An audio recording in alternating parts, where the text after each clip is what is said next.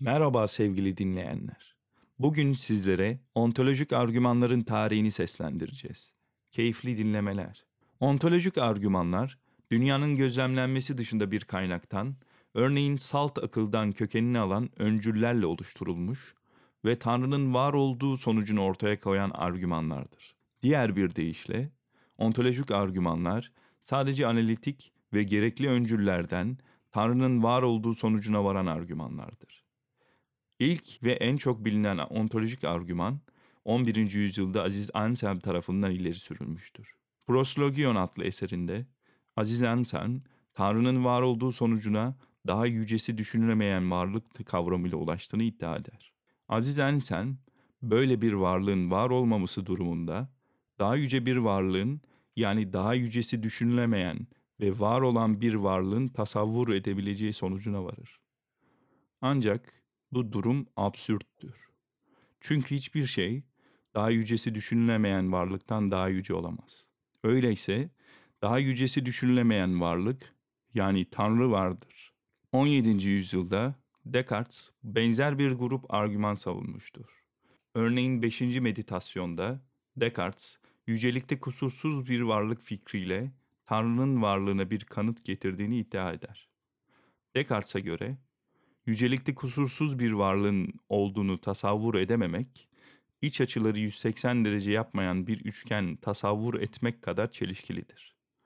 Buradan yola çıkarak, yücelikte kusursuz bir varlığı tasavvur edebiliyorsak, yani yücelikte kusursuz bir varlık fikrine sahipsek, yücelikte kusursuz bir varlığın olduğuna kanaat getirmek zorunda kalırız.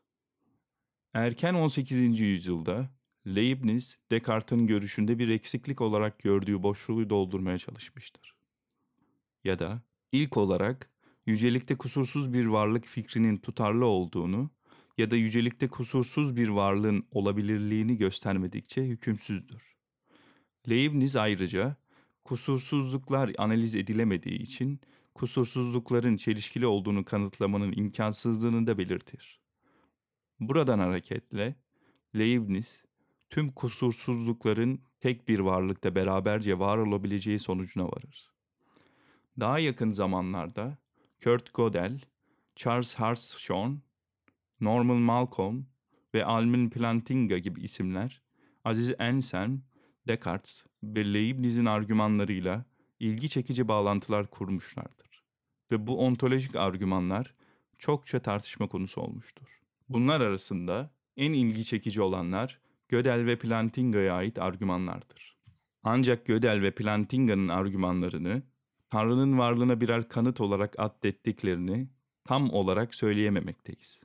Ontolojik argümanların eleştirisi Aziz Anselm'in çağdaşı Ganilo ile başlamaktadır. Belki de ontolojik argümanlara yöneltilen eleştirilerin en çok bilinenleri Emmanuel Kant'ın Saf Aklın Eleştirisi adlı eserine borçluyuz. Kant'ın en yaygın bilinen eleştirisi şudur. Ontolojik argümanlarda varoluşun bir yüklem olduğu üstü kapalı bir ön kabuldür. Ve ontolojik argümanların bu ön kabulden esas alması argümanların kendisini hükümsüz kılar. Ancak Bernard Russell'ın da söylediği gibi ontolojik argümanların işe yaramaz olduğunu söylemek, onlardaki yanlışları ortaya çıkarmaktan çok daha kolaydır. Bu ontolojik argümanların neredeyse bin yıldır filozofların dikkatini nasıl çekmekte olduğunu bize daha anlaşılır kılmaktadır. Çeviri Oda Prazno Seslendiren Aykut Tüzemen